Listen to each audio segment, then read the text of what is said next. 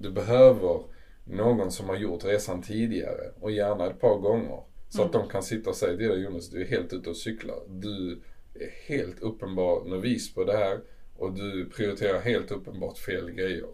Så här eh, tycker jag att vi gör. Och sen så får man ta ställning till det och bestämma om det är det man vill ha eller inte. Men hela mänskligheten är byggd på jättars axlar. Och ifall de inte står på de jättarnas axlar så är vi dumma i huvudet. Hej och välkomna till podden Våra relationer. Och idag är det Matilda som poddar här ifrån Norrköping. Vi sitter på DoSpace och det är ju ett sånt här coworking-ställe där jag fått äran att träffa en superspännande gäst vid namn Jonas Ali. Välkommen! Tack, tack. Tack, det är kul att vara här och få vara med Ja, prata lite. superspännande. Och um, berätta lite kort om dig bara. Ja, mitt namn är Jonas Ali. Eh, jag, eh, är, jag driver egna bolag, så jag är entreprenör. Eh, och jobbar som byggkonsult, byggprojektledare bland annat. Tvåbarnsfarsa.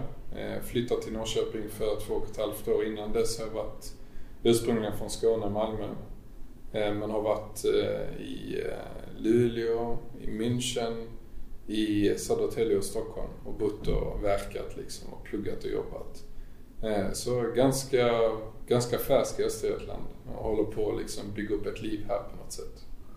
Superspännande att få prata mer med dig och vi kommer ju prata om alla möjliga ämnen känns det som idag, både högt och lågt men med koppling framförallt till personlig utveckling och entreprenörskap och projekt eh, projektidéer som vi båda har och ja, men, hur viktigt det är med att eh, bygga en relation till sig själv framförallt. Och framförallt relationen till sig själv och relationer till eh, andra människor men, eh, men även om relationen till sin bakgrund och sin historik och till sin kommande framtid.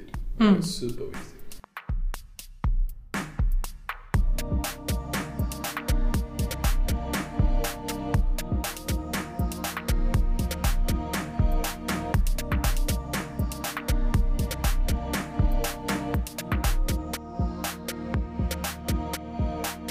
Jag hade ju som ett eh, mikrofonstativ Ja, som, eh, du vet istället för att den går sådär och så är mikrofonen här så la jag ut den som ett T. just det. Och sen på ändarna så hängde jag ner så här klammor eh, så man kan sätta två iPhones. Ja, Och sen vinklade jag dem sådär. Så att den iPhonen filmar den personen, Ah, den iPhonen filmar den personen. Jag har spelat i detta rummet två, tre gånger. Ja. Kul. Ehm, Så det är dig man ska kontakta om man ska liksom, eh, få sin poddstudio liksom, färdig eh, designad? Eh, ja, nej, men jag funderar på att köra, göra en egen poddstudio men först måste jag bara bestämma mig för att köra på liksom med poddandet. För jag tycker att det är jävligt kul. Och jag gillar den här typen av samtal. Mm, Eh, och sen så, jag gillar ju när det är ganska öppet. Mm. Folk gillar inte att lyssna på öppna poddar. Eller i alla fall inte, det är många som inte gör det. mm. Eh, de måste liksom känna att de har ett ämne som Mm. de, det är så här nisch. Jag Men hatar, du kör inte det? jag hatar att nischa mig alltså. Ja. Jag tycker det är så jävla tråkigt. Är det därför du kallar dig själv för ytterligheternas generalist? Ja, ja, ja, ja. jag, ja. jag ville komma till det ganska direkt. Liksom. Jaha. Nu har vi kastat oss in direkt, jag tycker det är asbra. så Ja, att, eh, nej, nej, det är bara att köra. Ja, vi kör en... eh, Jag har ju två epitet Ja. som jag gett mig själv. Standard. Ja. Eh, Den första är ytterligheternas generalist. Och det betyder i princip att jag är fucked up. Jag, jag har så breda intressen, så mycket konstiga intressen och jag är nyfiken på typ allt och alla. Så jag har lärt mig så mycket obskyra grejer liksom. Ehm, om man bara kollar på liksom vad jag har jobbat med eller vad jag har utbildat mig till så det är allt från nu senast styrelsearbete hela vägen till att jag är utbildad jägare, jag är utbildad massör. mhm. Jag har jobbat eh, inom kemilab, jag har jobbat eh, som simtränare. Ja, det är ju bara liksom några, ett litet urval liksom. Ja, jag tycker det är så jävla kul att göra mycket olika grejer liksom. Så, så jag hoppar på det mesta liksom. Och då blir det ju så att man lär sig ganska mycket eh, man ser ganska mycket likheter mellan eh, trender eller sammanhang här borta som här borta. Så när någon pratar med mig om till exempel Igår så pratade jag med någon om kitesurfning. Och jag vet inte ett skit om kitesurfning. Men jag fattar principen att du åker på, på en bräda och så har du ett, typ ett segel eller en sån här nästan som en drake som du liksom håller i. Och den här draken med vinden så drar den dig. Och då fattar man ganska snabbt att det där kan bli ganska adrenalinfyllt. Och att det kan bli ganska farligt för att om vinden drar uppåt, ja, men då kan du flyga iväg. Mm. Ehm, så bara genom att förstå de grundläggande grejerna så kan jag likna det vid massa andra saker som jag har gjort. Som inte nödvändigtvis är kitesurfning.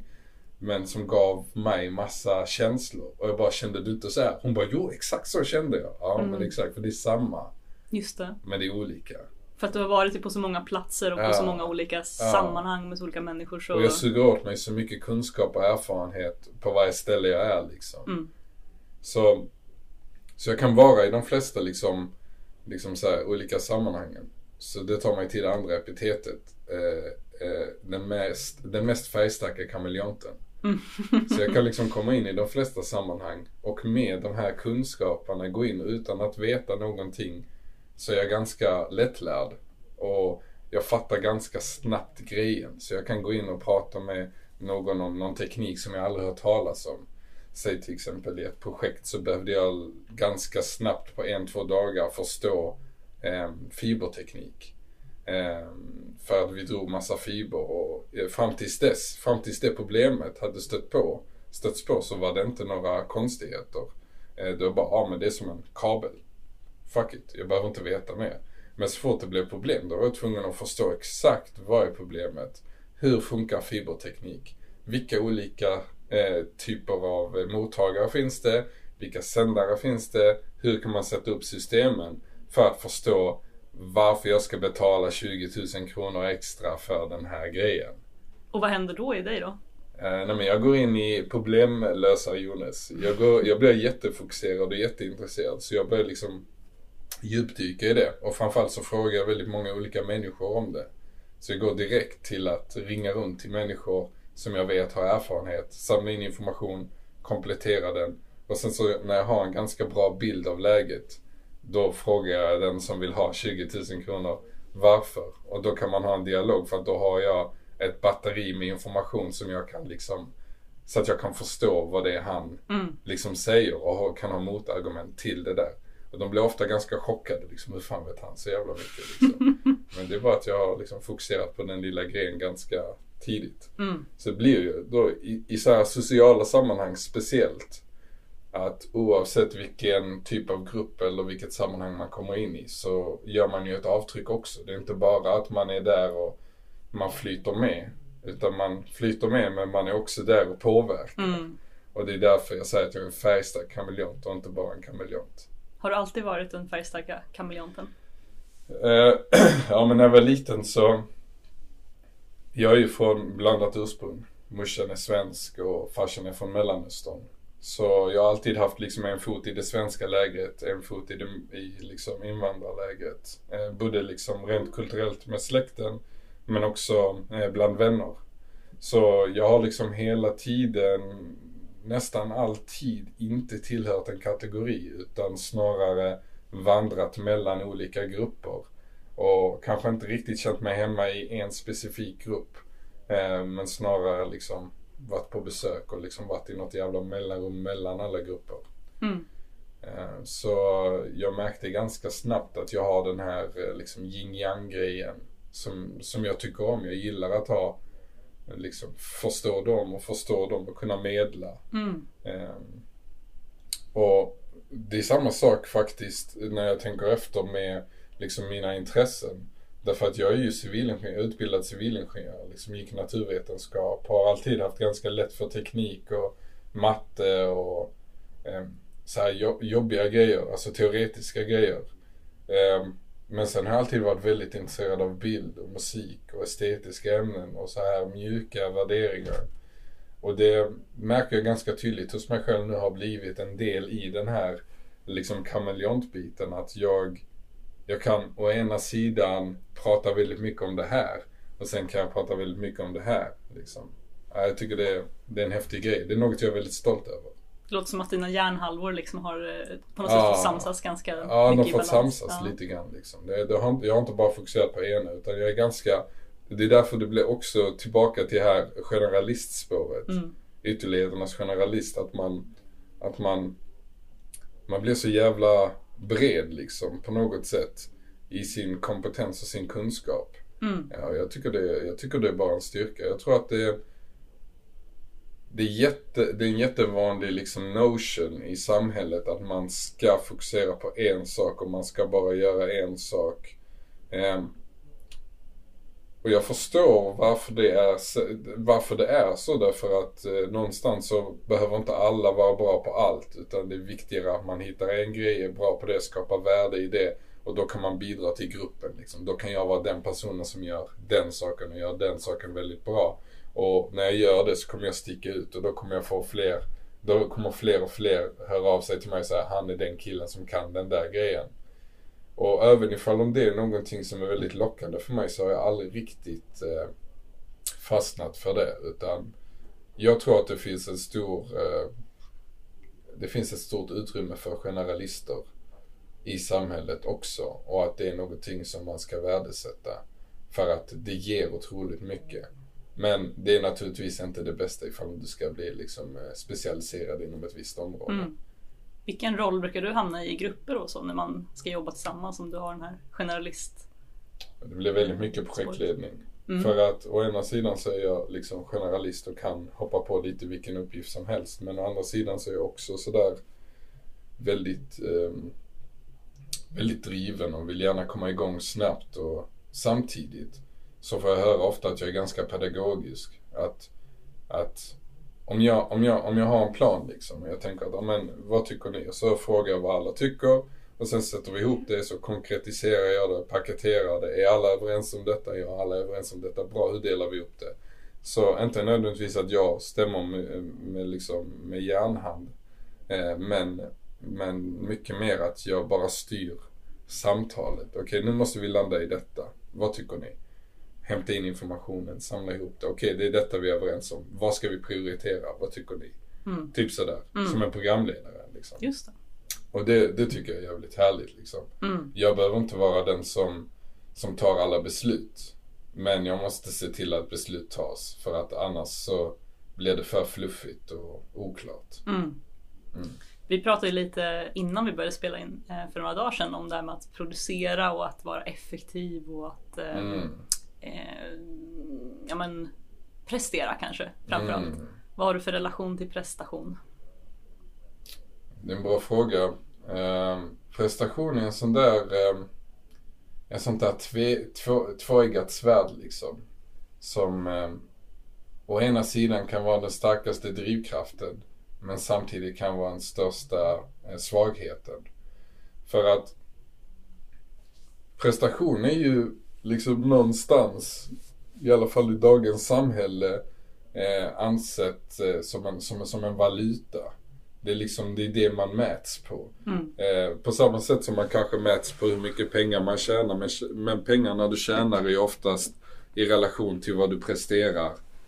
Eh, jag menar inte alltid. Det finns ju naturligtvis liksom människor som jobbar stenhårt i typ gruvor i Afrika som inte får pengar för det. Men om man kollar det liksom rent lokalt eh, så brukar det vara att den som presterar mer, presterar bättre, gör mer, är effektivare. Den kommer också bli bättre och kommer kunna få mer betalt för det. Så pengen är liksom bara, vad ska man säga, det medlet som vi har bestämt oss att belöna prestation med. Men prestation är ju någonstans i det här samhället som det ser ut nu, speciellt det västerländska, till skillnad från det österländska, eh, en väldigt drivande faktor i ens värde, vad man bidrar med till gruppen. Och det kan man ju förstå liksom om man tänker tillbaks till stenåldern och så vidare. Att om du var med i en grupp om 10, 20, 30 personer liksom och det var några som jagade, det var några som karvade eh, skinn, det var någon som gjorde flintastenar och verktyg och det var någon som hämtade in mat. Om du satt där och inte gjorde någonting eh, Man ser ju på Expedition Robinson ibland liksom hur det blir tjafs. Just. Över att ja, de har inte hämtat ved eller de har inte eh, byggt upp eld eller de har inte fiskat och sånt där. Eh, man märker ganska snabbt när det är någon i en grupp som inte presterar och inte levererar till gruppen. Då blir det öråd och du blir utröstad. Ja, exakt, exakt. Eh, Och, och jag menar, det händer ju i livet också. Jag Mm. menar, tidigare så blev du ju ut, ex, exil från din grupp och då dog du ju. Mm. Så jag menar, det finns ju någonting i oss som rent grundläggande eh, behöver prestera för att det är en sån viktig grej. Eh, samtidigt så har det blivit kanske lite för mycket fokus på prestation.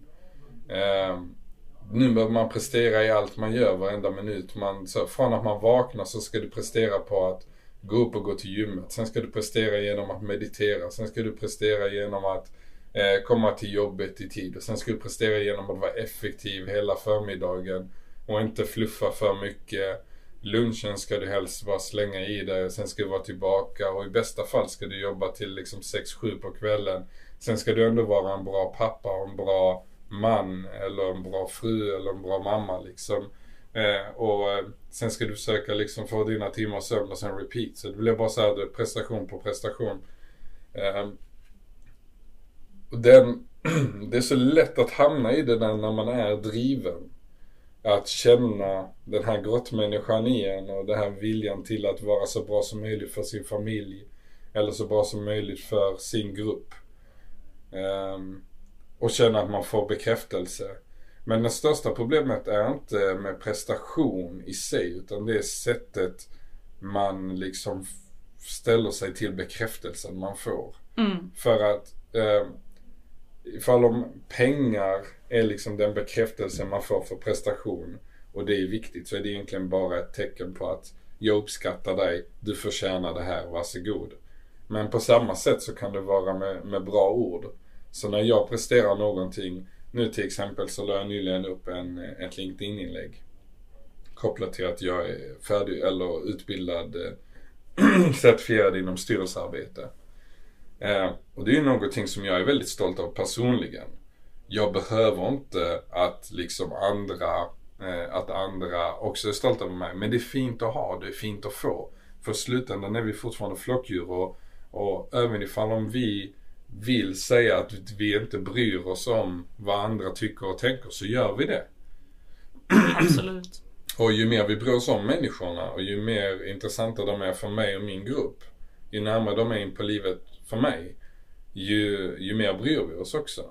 Så då blir det ju att jag vill ju visa för min grupp, för min tribe, för min familj att jag har lyckats, att mm. jag har bidragit med någonting. Antingen för mig själv eller för gruppen. Mm. Eh, dels för att de ska veta, okej, okay, då kanske vi kan ta hjälp av honom i detta och detta och detta och detta.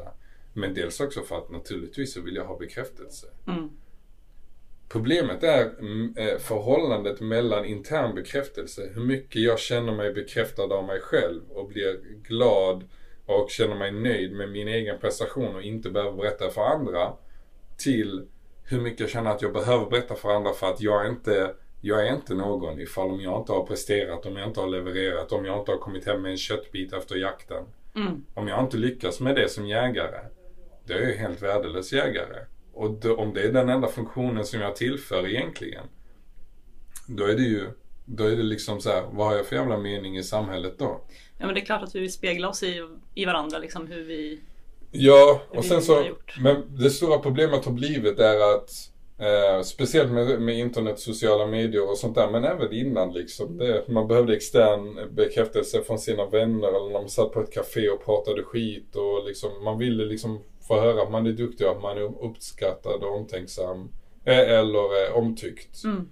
Men det har blivit mer och mer, alltså liksom från det här att vi har varit inne i oss själva och liksom hanterat så mycket av våra egna känslor så lägger vi ut allting på andra. Mm. Och vi skickar ut det för att vi vill att folk ska hjälpa oss att hantera det. Vi vill få bekräftelse, vi vill få stöttning, vi vill få det ena med det andra liksom. Så vi liksom skickar ut grejer innan vi själva har hanterat det för att få hjälp med att hantera det. Plötsligt blev vi så beroende av mm. extern bekräftelse eller extern feedback. Mm. Att vi vet liksom inte längre hur vi ska hantera motgångar och medgångar själva. Vi blir inte glada längre. Vi blir inte stolta över oss själva. Vi kan bli stolta över andra.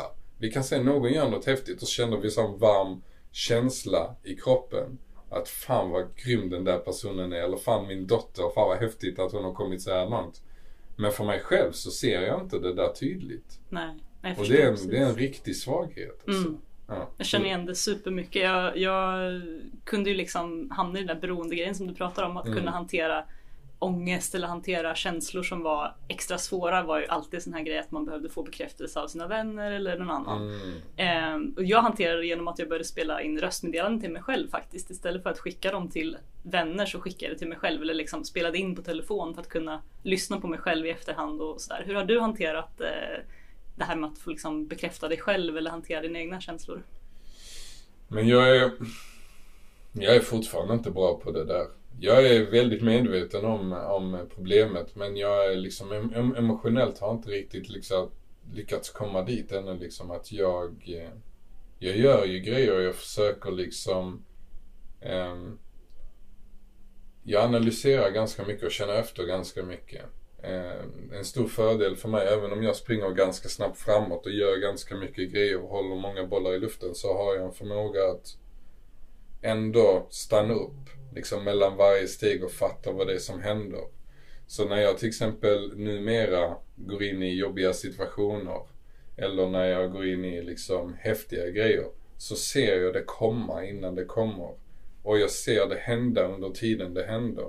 Och jag börjar förstå mer och mer hur jag reagerar på det. Så istället för att direkt skicka ut det så tar jag mig tiden att, att försöka förstå varför reagerar jag på det här?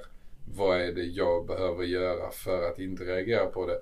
Hur lång tid kommer detta ta? Är detta en tillfällig dipp? Är det en stor dipp? Är detta någonting som jag behöver hjälp med? Eller är det någonting som jag bara behöver liksom få landa i själv och sen ta mig vidare? Eh, sen så är det klart att man har ju liksom en fruga av en anledning exempelvis. Eh, och, och det är klart att jag delar ju med, med mig till henne av massa grejer som jag kanske inte delar med mig till andra av. Därför att hon är så pass nära och det är bra för henne att veta liksom att nu är jag på väg in i något. Nu är jag liksom nere i något. Det här är jobbigt. Jag behöver liksom stöttning. Om du märker att jag reagerar på detta sättet, fatta att det beror på detta liksom. Så för mig handlar det mer om mycket mindre om liksom någon typ av ritual eller sådär. Än om att bara liksom bli mer medveten om hur jag agerar och reagerar på olika saker. Och det är ett bra första steg. Och sen därifrån så kan man säkert hitta bra ritualer eller du vet eh, empowerment och det ena med det andra. Men jag har märkt på mig själv att jag är så jävla dålig på sånt där. Jag, jag är sjukt dålig på det. Hur har du kommit till det här ändå att du är liksom så pass medveten att du kan höra dina egna tankar eller känna det som händer i stunden då? Har du, hur har du kommit dit till medvetenheten? Det är bara erfarenhet. Bara erfarenhet och vara villig att lyssna. Eh, och, och förstå liksom att det finns någonting som händer och att du kan genom att lyssna och genom att vara lite mer lyhörd att du kan liksom se vad det är som händer och varför det händer. Och sen så hör man andras, andra människor som har varit i liknande situationer och när de sätter ord på någonting då tänker man jaha, exakt, det var ju typ det som hände med mig den gången. Och nästa gång jag kommer in i en liknande situation då tänker jag tillbaks på det där, just det, det var ju som de sa, det är säkert det som händer nu. Låt oss fundera och se ifall om det är det som händer nu på riktigt. Eller om det är något annat. Och så märker man att nej, men det är lite annat. Men då är kanske lite av det här som den personen sa den andra gången. Så det handlar mycket om att kommunicera med andra, dela erfarenheter. Men framförallt att man, att man lyssnar på sina egna erfarenheter. Den största, liksom första riktiga steget. Jag, jag har ju liksom varit ganska medveten. Jag pratade ju om att jag insåg den här dualismen hos mig själv redan när jag var typ 11-12 år gammal. Liksom. Så jag fattar liksom att jag, jag är lite utanför och så här, men det var inte på den nivån liksom att jag liksom satt och analyserade i detalj. Men du vet, när man var tonåring, fan man tänkte, vem ska jag vara nu när jag inte kan vara mig själv liksom? Ska jag vara coolare? Ska jag, du vet, ignorera folk för att liksom få uppmärksamhet? Ska jag detta och detta? Så man testar ju sig fram liksom. Mm. Och det har ju alla gjort på ett eller annat sätt liksom. Eh, och jag insåg ju ganska snabbt liksom att det här, det här funkar inte för mig. Men ändå lik förbannat så gör man det. För att man tänker att man ska, man kan ju förbättra och man kan ju testa och se ifall om det blir bättre. Men man kommer alltid tillbaka till den man är. Mm. Och den man alltid har varit. Eh, på ett eller annat sätt liksom. Så eh, jag insåg det ganska snabbt liksom att eh, jag är ju en viss person och visst ändras jag och jag får nya erfarenheter och nya kunskaper. Men essensen av Jonas kommer aldrig att ändras. Eh, och det är så lätt att gå tillbaka och titta på liksom så tidiga skeden. Eh, hur jag var när jag var liten, hur jag reagerade på själv, hur jag reagerade på bekräftelse. Och så ser man, fan det är inte långt ifrån vad jag är idag liksom. När jag var liten så ville jag hela tiden höras och synas och få eh, liksom bekräftelse och vara i liksom händelsernas centrum. För att jag var ett mellanbarn och jag behövde det liksom. Eh, så jag sprang runt och skrek och hoppade och hyssade och liksom hittade på mig massa grejer. Mm. Vad fan är skillnaden nu egentligen? Jag är ute på sociala medier och snackar mycket. Jag drar i podcast. Jag håller på med massa utbildningar som får folk att liksom, aha, fan vad intressant. Vet. Och så fort jag får det där, fan vad intressant. Känner jag, ah kul. Jag Mm. lyckas med någonting. Jag är liksom, det att jag får den där bekräftelsen. Det är exakt samma grej, det är bara annan paketering. Mm. Ehm, så jag tror att ehm, ehm, det är erfarenhet. Jag har gjort mycket grejer. Jag har testat mycket saker. Jag är nyfiken på mycket grejer. Och jag försöker hela tiden förstå och lära mig Mm. eh, av vad som helst det är jag får höra. Så genom det så får jag den här ytterligheternas generalist. Kan se liksom samband och, och linjer och sen när jag då kommer till mig själv liksom. Då kan jag tillämpa det i mig själv också. Hur har du använt det här, de här kunskaperna om dig själv i din entreprenörsresa då? För du har ju hållit på med många olika projekt och Ja, projekt är rätt ord. Eh, även om jag har lite olika bolag så ska man snarare kalla det projekt än bolag. Därför att jag anser inte att jag är eh, liksom en... Eh, alltså, entreprenör är också ett bra ord för att entreprenör är egentligen bara någon som eh, försöker att förverkliga sina drömmar eller sina tankar. Du Mm. ser någonting, du vill få någonting till stånd där. Och så börjar du gå på den vägen och så förhoppningsvis lyckas du. Eller så misslyckas du. Men oavsett så har du entreprenörsandan.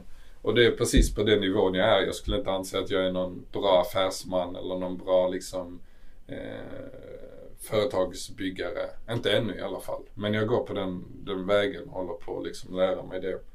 Men ehm, för mig började det egentligen i samband med att jag eh, eh såg upp mig på mitt, eh, på mitt tidigare eh, företag där jag jobbade. Och eh, flyttade till Norrköping och var pappaledig eh, med lillflickan. Då, då bestämde jag mig för att antingen så hittar jag liksom helt rätt bolag för mig. Eh, eller, så, eh, eller så startar jag eget bolag. Eh, och i vanliga fall när man tänker att jag ska starta eget bolag så tänker man men jag har redan tryggheten, jag har liksom arbetsuppgifterna, jag har det ena med det andra. Eh, för mig i det läget, jag hade säkert kunnat ta den risken också. Men i det läget så var jag så här, ny stad, känner ingen, pappaledig sex månader. Eh, jag behöver ändå hitta ett eh, en riktigt bra arbetsplats och vad är sannolikheten att jag gör det? Så liksom, det fanns redan en risk på andra sidan också. Det fanns redan liksom, så, så differensen mellan risken att starta eget och risken att försöka hitta den här arbetsplatsen Eh, och och jag skulle ändå behöva nätverka för att träffa massa människor. Jag skulle ändå behöva liksom etablera mig i stan. Så differensen mellan dem är minskade lite grann. Och då kände jag att fan, det är bra att vi kör. Mm. Och på den resan egentligen så har jag har jag liksom stött på massa, massa liksom hinder och massa jobbiga situationer. Och även innan dess i arbetet eh, i, i bolaget som jag jobbade på tidigare så eh, var jag nära på att gå in i väggen eh, en gång liksom. Och, och, eh, och det fick mig också att tänka jättemycket. Hur fan kan min kropp reagera så här? Hur kan jag liksom, du vet. Eh, det är, jag vet att det inte är en big deal. Men ändå så går min kropp in i en jävla chocktillstånd och du vet så här, du vet, lever sitt egna liv och det kändes som att jag hade så här, demoner som krafsade i magen på mig liksom av ångest och oro. Även om jag visste rent logiskt att det här är ingen big deal. Okej, det, är en, det är en stor miss och det var dumt och det sådär men så då började jag tänka mycket på men hur fan, hur fan reagerar jag på de här situationerna? Och du vet när man kommer in i sådana um, ehm, när man går ner i sådana dippar så börjar man ta med sig alla grejer liksom. Bara, ah, mår jag bra egentligen? Tar jag hand om mig själv? Eh, är, det, eh, är det rätt tid att få barn? Eh, har jag det bra i min relation? Och då behövde jag liksom börja svara på alla de här frågorna. och börja liksom utforska alla de här frågorna. Så det blev liksom egentligen det första, vad ska man säga, steget för mig i modern tid. Där jag på riktigt började utforska mig själv. Mm. Och sen därifrån så har det bara blivit liksom en serie av highs and lows. Och varje gång jag har varit eh, liksom högt uppe så har jag funderat kring varför jag är högt uppe och varför jag njuter av det här. Och varje gång jag är långt nere så tänker jag kring det. Så, så du har haft många liksom, reflektioner med dig själv mest då, låter det som i, i Ja, absolut. Absolut. Eh, och sen ibland och då så bjuder man in till dans med frugan eller med, med vänner eller olika liksom, grupper som man kanske är med i. Men för mig så handlar det om att jag har utsatt mig för ganska mycket risk och ganska mycket motstånd och ganska mycket utmaningar de sista tre åren. Mm. Eh, så jag kanske har gjort mycket mer, gått igenom mycket mer ups and downs än de flesta under en, en, en så pass kort period. Mm. Liksom, eh, gemena man i alla fall. Sen mm. finns det naturligtvis fall med folk som går igenom skilsmässor och det ena med det andra. Då är det, man kan inte jämföra med det. Men för min egen del så har jag utsatt mig själv för ganska mycket trafik av eh, food for thought. Ja, just det, ja. just det. Och samtidigt så har jag varit väldigt duktig på att tänka på food for thought. Så jag har liksom fått trafiken, jag har analyserat trafiken, jag har känt in trafiken. Och det liksom så motsvarar kanske tio år hos en gemene man. Så det handlar bara om att jag har, jag har levt ett, liksom ett längre liv än tiden som jag har haft i, i, i emotion, i erfarenhet. Kan verkligen förstå den känslan. Jag kan känna igen, känna igen mig i det. Och kan du känna igen dig i att, för, för min del handlar det mer om att jag hade lättare för att stänga av mina känslor innan, säg tre, fyra år tillbaka. Att jag hade levt ett liv där jag kanske höll, höll på med mycket grejer, man liksom gjorde mycket olika projekt. Men höll sysselsatt. Höll sig sysselsatt men inte så emotionellt ihopkopplad till sig själv och kanske inte i kontakt med sig själv. Men sen när man väl börjar göra det så är det som att man tar tillbaka ganska mycket av det som man inte förr kanske kände eller processar mycket av det som man varit med om. är det något sånt som du Alltså egentligen, också? egentligen tvärtom skulle jag säga för min del. Eh, jag var mycket emotionellt påkopplad tidigare. Eh, och jag tror snarare att jag har gått in i en fas där jag har liksom börjat sysselsätta mig och hålla på med massa grejer för att, för att stänga av lite grann. Just Men det. i den processen så har jag insett att det är det som händer. Mm. Och därför har jag behövt komplettera och liksom komplettera upp. Eh, genom att göra de här andra bitarna istället liksom och, och faktiskt eh, inse liksom att, att vi är alla liksom känslovarelser på ett eller annat sätt liksom. Och på ett eller annat plan. Och, Just det. Och man behöver inte liksom sitta och grotta ner sig i känslor hela tiden. Det är inte det det handlar om. Eh, och man behöver inte sitta och känna efter hela tiden och bara mår jag dåligt nu? Ja, jag mår dåligt. Oj, synd om mig liksom. Det är inte det det handlar om. Men att man förstår liksom var man eh, kan bli bättre på att hantera sig själv. Just För att du är ju en maskin liksom. I grund och botten. Du är en fysisk maskin. Du är en mental maskin. Du är en emotionell maskin. Och sen är du på något visst plan en spirituell maskin också. Så du har alla de här bitarna liksom i ditt liv. Eh, som, som du liksom eh, du har använt men som du aldrig liksom riktigt har funderat kring. Måste jag slipa den här? Måste jag skicka in den för eh, service? Måste jag liksom se över eh, vilken, eh, vilken, eh, vilket bränsle jag använder? Och måste jag liksom eh, börja köra mer ekonomiskt. Ja, men förstår vad jag menar? Mm. Liksom, det är ett verktyg. Mm. Och, och jag har egentligen bara börjat tänka mer och mer på det där och försöka förstå vad är det jag är duktig på och vad är det jag är mindre bra på och vad hade jag mått bra av att göra mer av och vad hade jag mått bättre av att göra mindre av. Och försöka kalibrera det. Sen är det inte särskilt enkelt. Nej, vad är det största utmaningen för dig just nu i den resan eller i den kalibreringen? Um,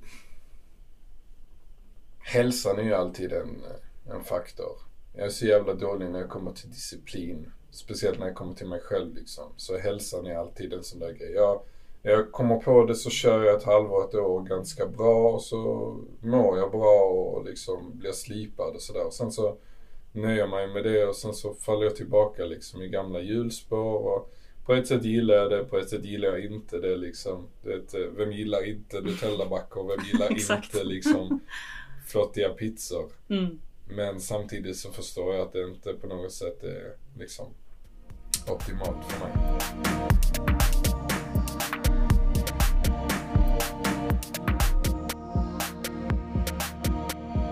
När vi träffades här och började prata om att spela in podd så det du liksom kom in i rummet. Vi träffades ju på DoSpace här mm. för några dagar sedan som ju är en, en coworking ställe här i stan där vi sitter och träffar massa andra företagare och du kom in och så berättade du att du hade haft ett coachsamtal för att du behöver coacha dig själv om du ska kunna coacha andra. Ja exakt.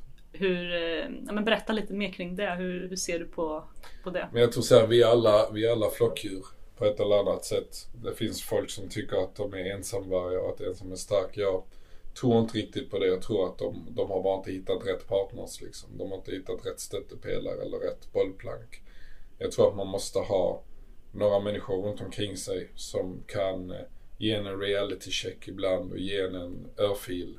Och samtidigt någon som kan liksom så här, krama en och ta hand om en när man behöver det liksom.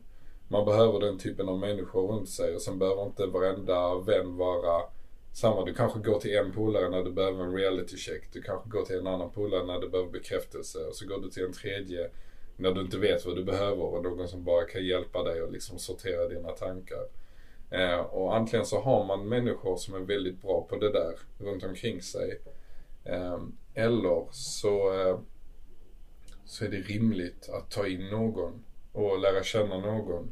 Oavsett om det är liksom på vänbasis, på mentorsbasis, på coachbasis, på advisorbasis i ett bolag. Så behöver du ta in folk som som är bättre än dig på någonting. Mm. Som ser det utifrån tydligare än vad du ser det liksom. Eh, för att ibland så är det bara en fråga om att de ska, att du behöver få ett annat perspektiv.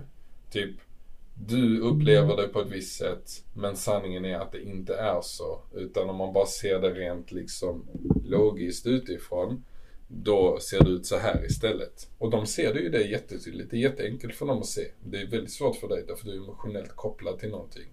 Så du har alla de här utmaningarna, som de här små hindren som du ska ta dig över i ditt liv. Och då behöver du någon som du kan bolla dig över dem med. Ibland så tar du dig över på egen hand, men ibland så är det bra med någon som kan som kan eh, eh, liksom lyfta upp din fot liksom. Så att du kan ta dig över det där två meter stängslet liksom. Mm. Eh, och detsamma, det, ena, det gäller liksom i personlig utveckling och det var det vi pratade om. För att eh, jag behöver ju liksom bli bättre i mig själv. Eller jag vill bli bättre i mig själv för att sedan kunna hjälpa andra att bli bättre i sig. Mm. Men det gäller också i det liksom professionella. Du behöver någon som har gjort resan tidigare och gärna ett par gånger. Så mm. att de kan sitta och säga till dig Jonas, du är helt ute och cyklar. Du är helt uppenbar novis på det här och du prioriterar helt uppenbart fel grejer. Så här eh, tycker jag att vi gör. Och sen så får man ta ställning till det och bestämma om det är det man vill ha eller inte. Men hela mänskligheten är byggd på jättars axlar. Och ifall de inte står på de jättarnas axlar så är vi dumma i huvudet. All kunskap som vi har förvärvat, allting som vi har, allt det som vi gör nu. Vi pratar in i en mikrofon, vi sitter i ett kontorslandskap med massa teknik runt omkring oss. Jag menar allt det här, all tekniken, all kunskapen, allting som ligger som bas för allt som vi har gjort fram tills nu är ju liksom baserat på ackumulerad kunskap och erfarenhet. Så hela liksom människans liksom framfart har på något sätt varit baserat på att vi lär oss av varandra det kommer alltid finnas människor framför dig eller innan dig som har gått en väg som du har gått. För vi är så pass lika.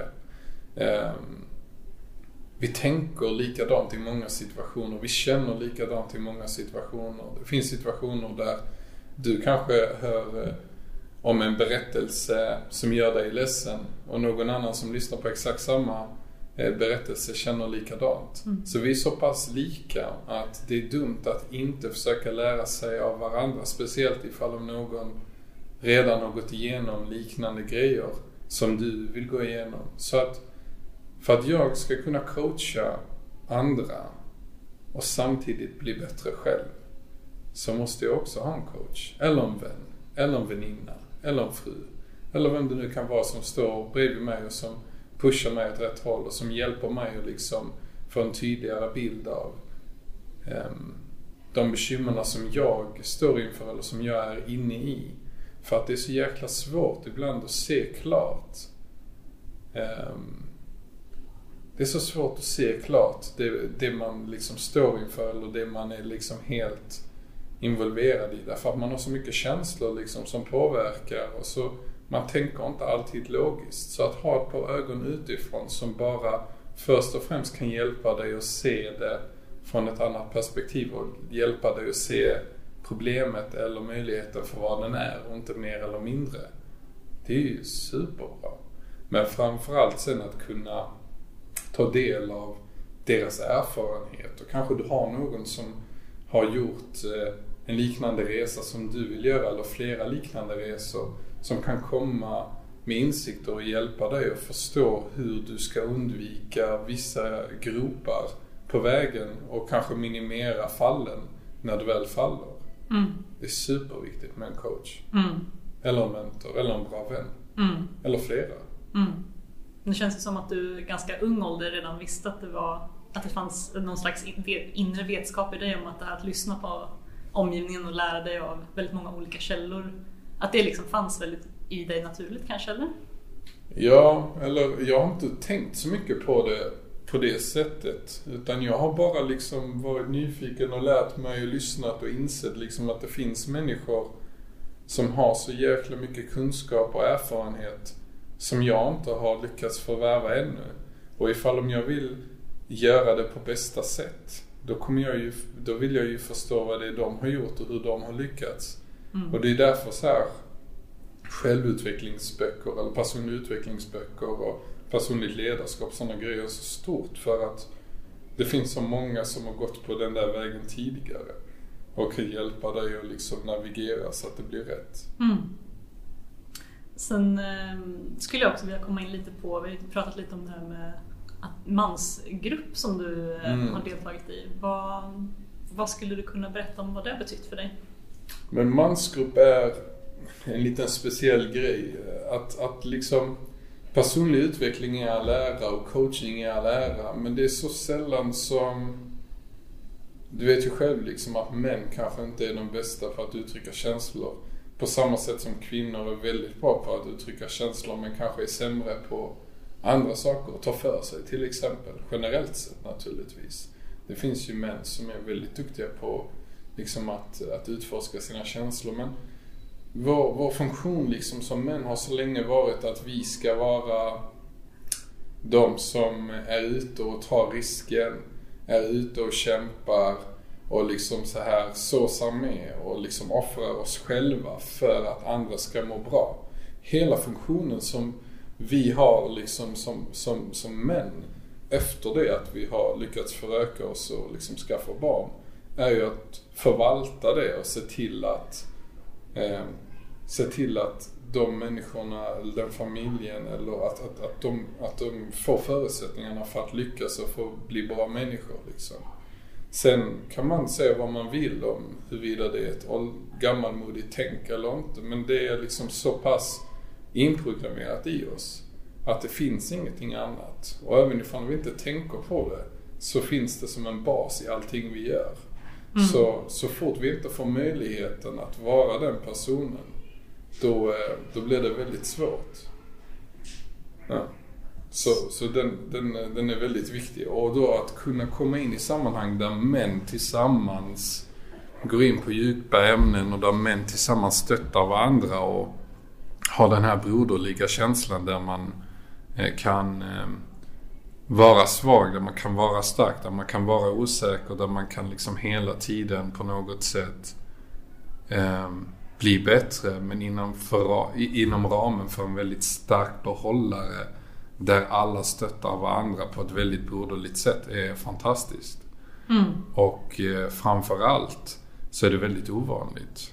Därför att eh, man kan säga vad man vill och man kanske inte tänker på det så mycket men jag vet själv att jag har noterat vid tillfällen att när man kommer in i en ny grupp med män eller en grupp där det finns mycket män så är det mycket utvärdering och det är mycket liksom så här att man ja men vem är den här? Är han liksom, hur, hur ser hierarkin Mm. ut liksom? Och så kan det ibland vara härskartekniker och sådana saker. Så man är så van vid att, att män blir liksom utmanare. Att det blir någon typ av eh, ja, undermedveten kamp liksom och status som man hävdar. Och att komma till ett ställe med helt främmande människor som alla är helt eniga om att här är vi för att utvecklas och för att hjälpas och för att vara liksom stöttepelare för varandra är helt otroligt. Mm. Kan du berätta någonting mer om den här, alltså hur ni jobbar eller hur, hur det går till? Eller? Ja, jag kan inte säga för mycket för att även om jag hade beskrivit liksom, nu har jag inte jättemycket erfarenhet och jag har varit i lite mansgrupper, jag har varit i lite aktiviteter och det finns en, en, en, en organisation som jag tycker är jättebra som heter Mankind Project. Eh, och de har lite olika ja, grupper och så har de initieringsrit och så vidare. Och jag var med på en initieringsrit under en helg.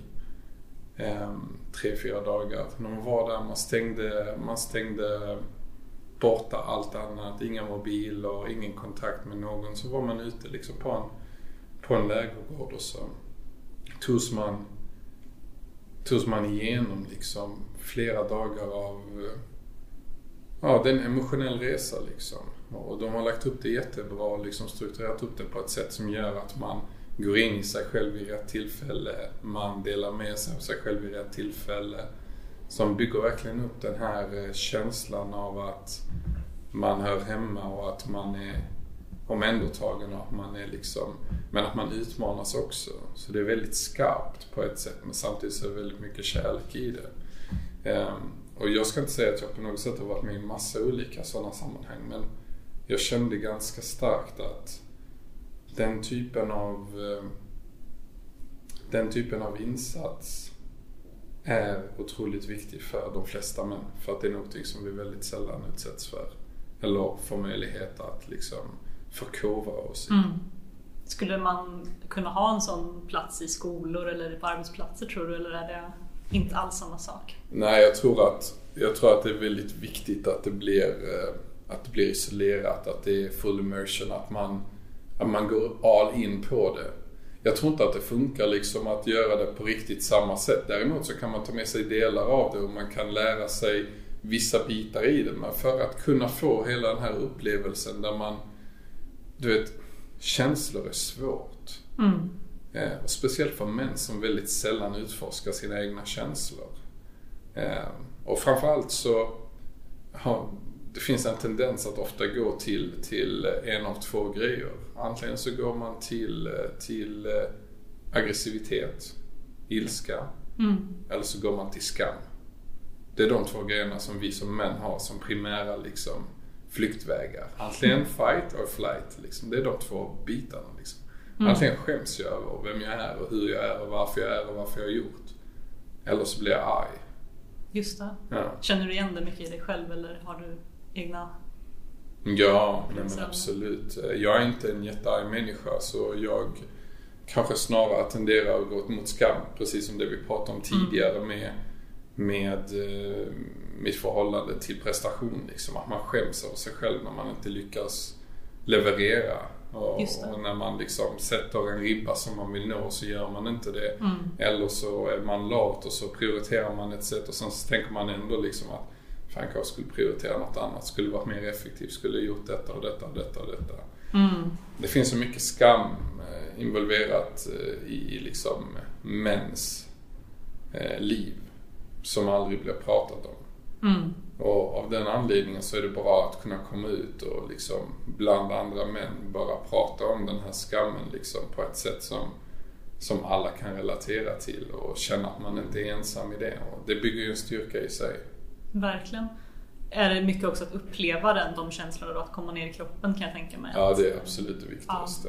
Det är jätteenkelt att vara liksom eh, intellektuellt eh, förstående och öppen på ett intellektuellt plan och förstå att det finns något som heter skam, förstå hur det känns och sådär men allting här i livet måste landa tillbaka i essensen. Allting måste kopplas an.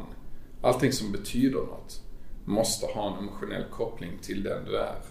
Och ifall om du inte har den emotionella kopplingen eh, i någonting som du eh, väljer att eh, jobba med eller i en relation eller i, eh, i, ett, i ett bearbetning av dina, av dina liksom känslor eller dina svagheter eller styrkor. Då kommer du aldrig nå hela vägen.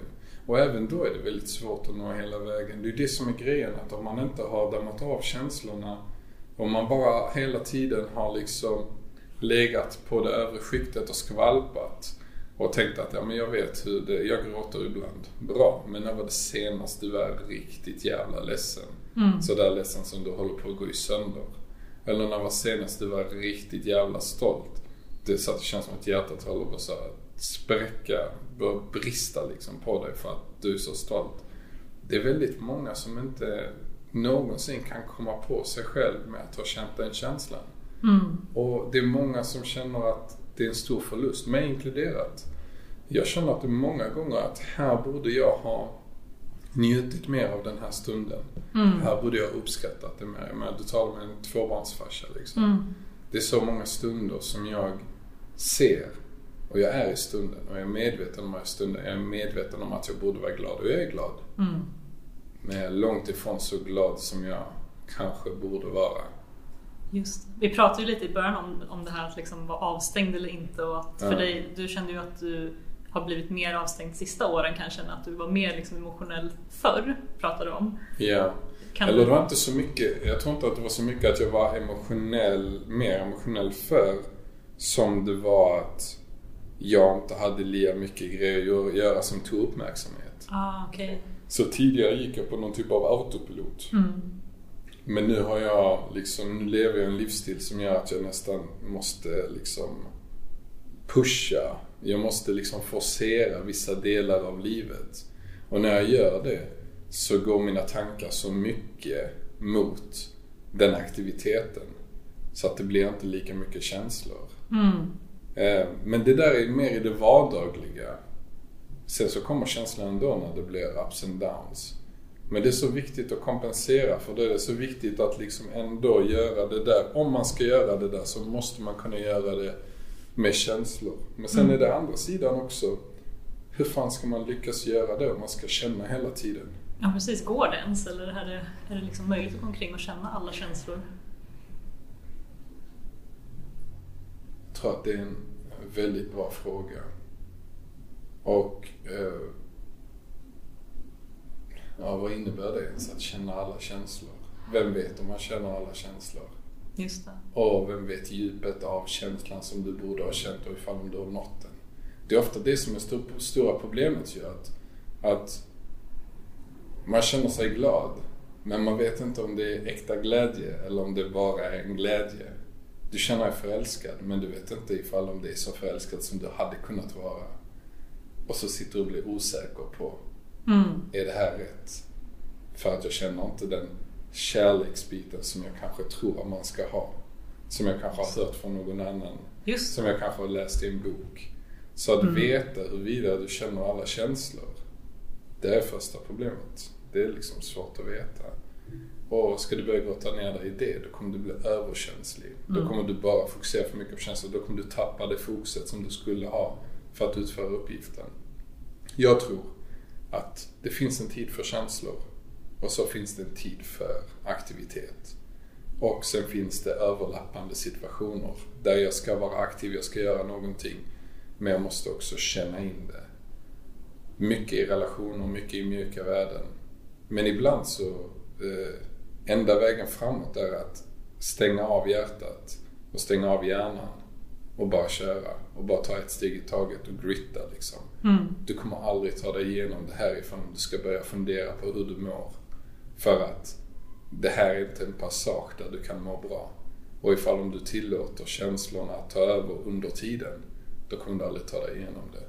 Mm. Men där måste man vara medveten om att om jag stänger av känslorna här och jag väljer att inte liksom ta hänsyn till dem nu. Då måste jag ta hänsyn till dem sen. För de kommer ikapp? De kommer ikapp, ja. förr eller senare. Sen kanske de inte kommer ikapp med full kraft. Det är inte så att nu har jag trängt undan 80% av mina känslor så då kommer de 80% att komma tillbaka. Mycket försvinner ju för att ofta så känner vi grejer i stunden som är helt orimliga. Du kan bli skitarg på din partner och säga grejer som du inte menar men bara två minuter senare så förstår du inte varför du blev arg. Mm. Och i sådana lägen kan man stänga av då liksom. Eh, då kanske det inte kommer tillbaka med samma kraft utan då kanske det blir liksom mer att ja, fan blir jag arg för? Jag är fortfarande lite arg men Mm. inte på samma sätt som tidigare. Just Men det är en svår balans det där. Det är en svår balans och framförallt nu pratar vi om det precis som man kan köra on och off liksom. Men så är det ju inte. Det är så jäkla svårt att Mm. För det första att göra grejer. Det är jättesvårt att, att utföra arbete. Det är jättesvårt att ta sig an utmaningar och ta sig över utmaningar och bara göra och göra och göra och göra. För det, det tär så mycket på en. Mm. Eh, Så redan det är fantastiskt svårt. Mm. Och sen att kunna liksom navigera sina känslor så pass bra att man ska kunna liksom hitta en perfekt balans i det där. Det är ju svårt i sig. Mm. Och sen kunna göra de två samtidigt. Vi snackar om övermänskliga grejer liksom. Jag är kanske inte så vi är programmerade heller i våran i kroppen och från urminnes tider att Nej, nej jag tror att precis som jag sa att vissa, det finns tillfällen för att känna när du ser ditt barn för första gången. Det finns tillfällen för att känna när ditt barn har slatt sig eller när din fru är, är nere eller när din fru är full och bubblar av känslor. Du ser henne i ögonen. Då ska du känna, då ska du inte agera. Mm. Men eh, sen finns det tider där man bara behöver agera och man inte ska lägga någon vikt vid känslorna. Mm. Det tror jag. Mm. jag tror, och det finns situationer för det där och det där måste man själv liksom hitta. Eh, Det är ens egen resa att utforska.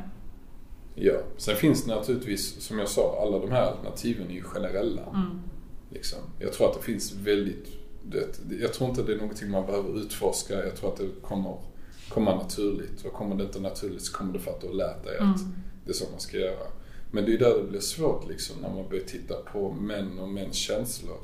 Liksom hur mycket är biologiskt beteende från de där du vet, tiotusentals åren som vi har gått på savannen eller Mm.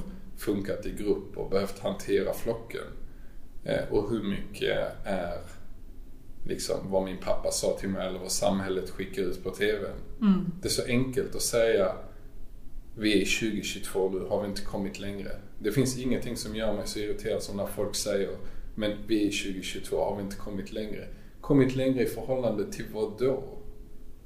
Precis. Till känslor. Mm. Menar, vi har exakt samma känslor som vi hade för 10 000 år sedan. Mm. Dispyter. Vi har samma dispyter som vi hade för 10 000 år sedan. Vi snackar nationalism, vi snackar rasism, vi snackar det ena med det andra. Jag tror inte att man hade det mot andra stammar. Mm. Klart som fan. Mm. Det hade man ju. Mm. Det är ingen snack om saken. Eh, Jag tror att vi eh, tror för mycket om oss själva. Att vi på något sätt är någon så supercivilisation som ska kunna allting, ska ha löst allt. Feminism, det ena med det andra. Allting ska vara balanserat, det är 2022. Jag vet fan om jag håller med om det alltså. Allting går bara i cykler liksom. Ja. Mm. Och allt det vi har lärt oss kommer säkert glömmas bort någon gång eller försvinna. Och så kommer någonting annat komma och ta över. Men okej, om vi tänker ändå på det vi pratade om, det här med att lära sig av varandra och liksom Mm. lära sig av tidigare generationer och Mm. våra lärare och föräldrar och allt som vi Mm. har sett. Liksom, som, som du pratade om det här att liksom, ja, inte upprepa samma misstag igen. Liksom. Kan man ändå tänka sig att vi borde ha kommit någonstans då, liksom, om vi ändå ska försöka lära oss av, av varandra, av de som har gått före. Absolut. Nej men så är det ju. Och det är ju det som är utvecklingen på något sätt. Men det man måste förstå är att utvecklingen sker inte i en rak linje. Eh, det här gamla ordspråket. Eh, eh, svaga, svaga människor skapar svaga samhällen. Svaga samhällen skapar starka människor. Starka människor skapar starka samhällen. Och starka samhällen skapar svaga människor. Så när vi har det bra så blir vi liksom svagare. Vi blir mindre resilienta. Vi blir mer, eh, vi behöver, vi blir mer, eh, vad ska man säga? Vi blir mer beroende av andra. Eh, jag menar, kolla Sverige liksom. Vad skulle Sverige göra ifall om all gasproduktion eller all bensinproduktion eller oljeproduktion och, och vad skulle vi göra ifall om Kina slutade importera grejer till oss? Men det är så otroligt mycket vi är beroende av för att vi är så svaga i oss själva. För att vi har bra tider. Mm. Vi behöver inte förlita oss på oss själva, vi har andra som gör det. Tänk ifall om vi skulle behöva ut och jaga maten själv. Liksom. 90% av människorna hade dött ut. Mm. Så även ifall om liksom, kunskapen går vidare i leden och en av de bästa grejerna som finns för utveckling är att man lär sig av tidigare misstag. Så vet vi alla vad som händer. Mm. Liksom. Alla vet att det fanns nazister. Eh, andra världskriget. Absolut. Ändå så är det så enkelt att falla in i liknande mönster även om det inte är exakt samma mönster. Och även ifall man vet om att det där har hänt och att det där inte är bra. Så tänker man, ja men denna gången är kanske lite annorlunda. Bam! Kommer smällen igen liksom. Det är så mycket, det är så komplext liksom att fundera kring erfarenhetsutbytet. Eh, och, och du vet, kolla så här, religion liksom. Någonting som var en kunskap tidigare potentiellt då när böckerna skrevs. Har liksom över tid förändrats så pass mycket och tolkats så många gånger. Så även ifall om du har information och erfarenhet som lever kvar. Mm. Så är vi bara människor. Information går förlorad på vägen. Så det faktumet att alltså, om vi skulle kunna lära oss så mycket som, som hade varit alltså, önskvärt av varandra och bara liksom vara effektiva i hur vi bygger oss som samhälle och som individer, som civilisation, som ras, som art. Så, eh, så skulle det behöva komma till ett helt annat sätt att kommunicera och förmedla informationen. Mm. Men sen kommer en fucking meteor, meteorit från ingenstans och så är vi döda ändå. Så vad spelar det för roll i slutändan liksom? Så det kanske låter som en... Eh, det kan vara ganska skönt att trösta sig med det när man har en sån här skam över vad mänskligheten gör eller vad man själv inte kan förmå att förbättra om man bara känner att man håller på i sina hjulspår så finns det ändå en...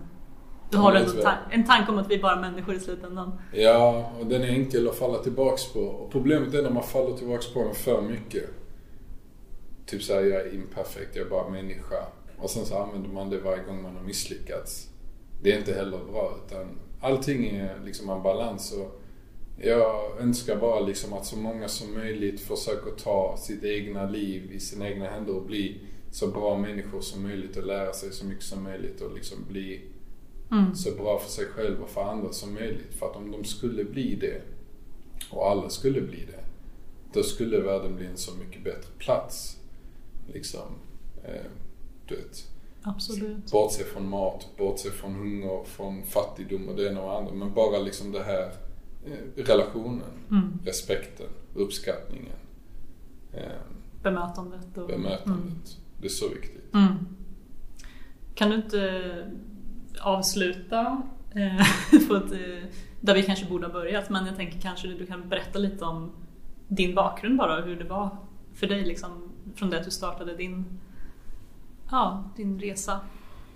Men jag kommer ju från, eh, från förorten i Malmö. En förort som heter Hermodsdal. Som är en liten del i ett större område som heter Fosie. Och eh, jag kommer egentligen från, jag har haft det ganska bra liksom i familjen. Så där visst, föräldrarna är skilda och det har varit lite strul och sånt där. Men förhållande, i förhållande till många andra så har jag haft det ganska bra. Jag har haft kärlek hemifrån och jag har haft en någorlunda vettig uppväxt liksom. Men vi hade väldigt sällan eh, pengar och fick kämpa ganska mycket med det. Vi fick eh, panta pantburkar och jag vet att eh, vi brukade stå liksom ganska ofta liksom precis kvällen inför löning 11.45 så kom vi fram så stod vi liksom vid bankomaten hela liksom alla kidsen och mamma och bara väntade på att liksom löningen skulle komma in för att vi skulle kunna liksom gå och köpa på någon Statoil eller någonting lite mat till frukost till dagen efter för vi hade inte det hemma liksom. Vi hade länsat allting. Um, så egentligen, och du vet så här, gått igenom mobbning och liksom så lite enkel kriminalitet och sånt där runt omkring en liksom. Så det har egentligen blivit att, att jag ganska snabbt förstod liksom att jag måste jag måste särskilja mig från det här på något sätt. Och min resa där, eller min fribiljett där var ju plugget. Så jag, jag var kanske inte var den mest ambitiösa alltid i skolan, men jag hade ganska lätt för att lära mig grejer.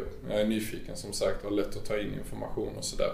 Så jag, eh, jag såg ju det som en möjlighet för mig att särskilja mig från alla andra idioter så att säga som fanns runt omkring mig. Att så fort jag fick bra betyg så skulle skolan i sin tur särskilja mig mot de andra som kanske inte hade möjlighet att komma in på samma gymnasieskola, på samma universitet och så vidare. Så, så jag, jag satsade ganska mycket på det. Och eh, började plugga naturvetenskap, plugga med musikinriktning, samma sak där, båda hjärnhalvorna. Mm. Eh, och sen vidare till eh, civilingenjör i Luleå med arkitektur. Och sen när jag blev färdig där så, så var det liksom tio dagar senare så satt jag och jobbade på kontoret i Stockholm.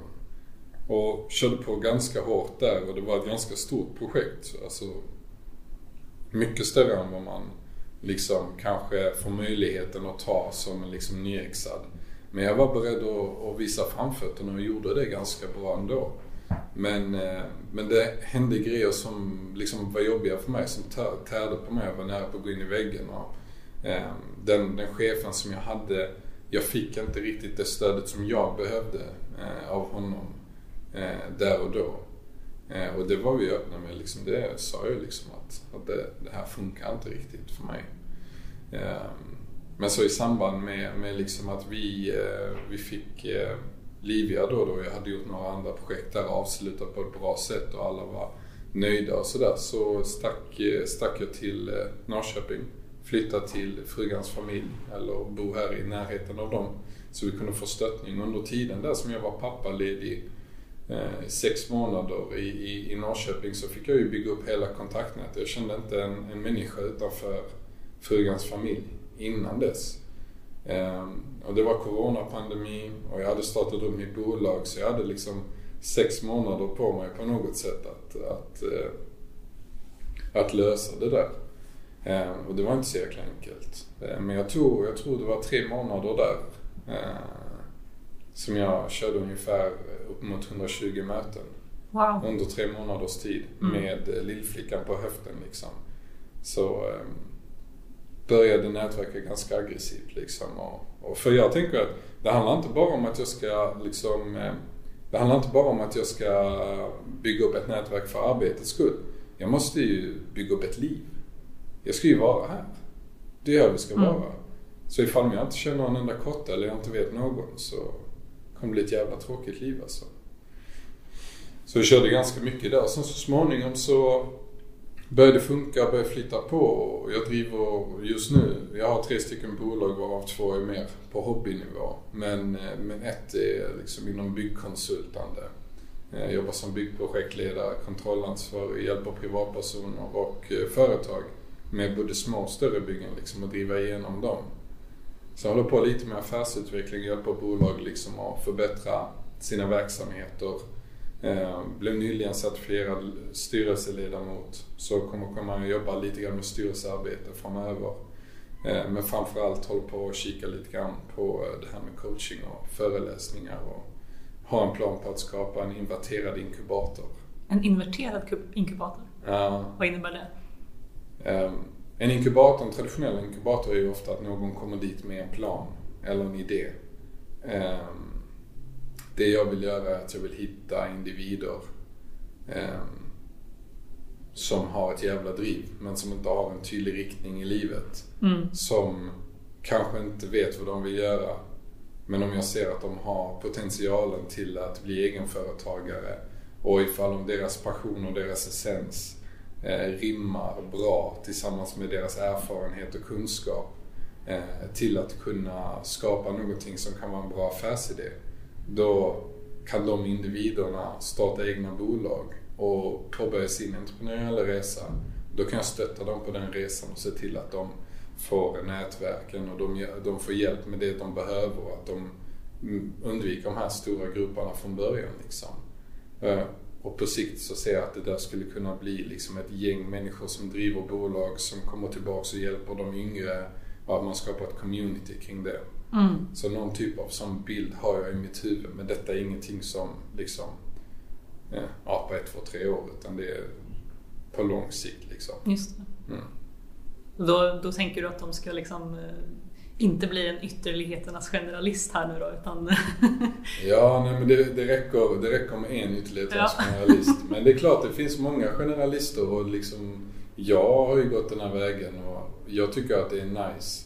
Eh, men eh, hela grejen är att man ska ju utforska livet för att sedan kunna lära ut till yngre förmågor hur de ska göra.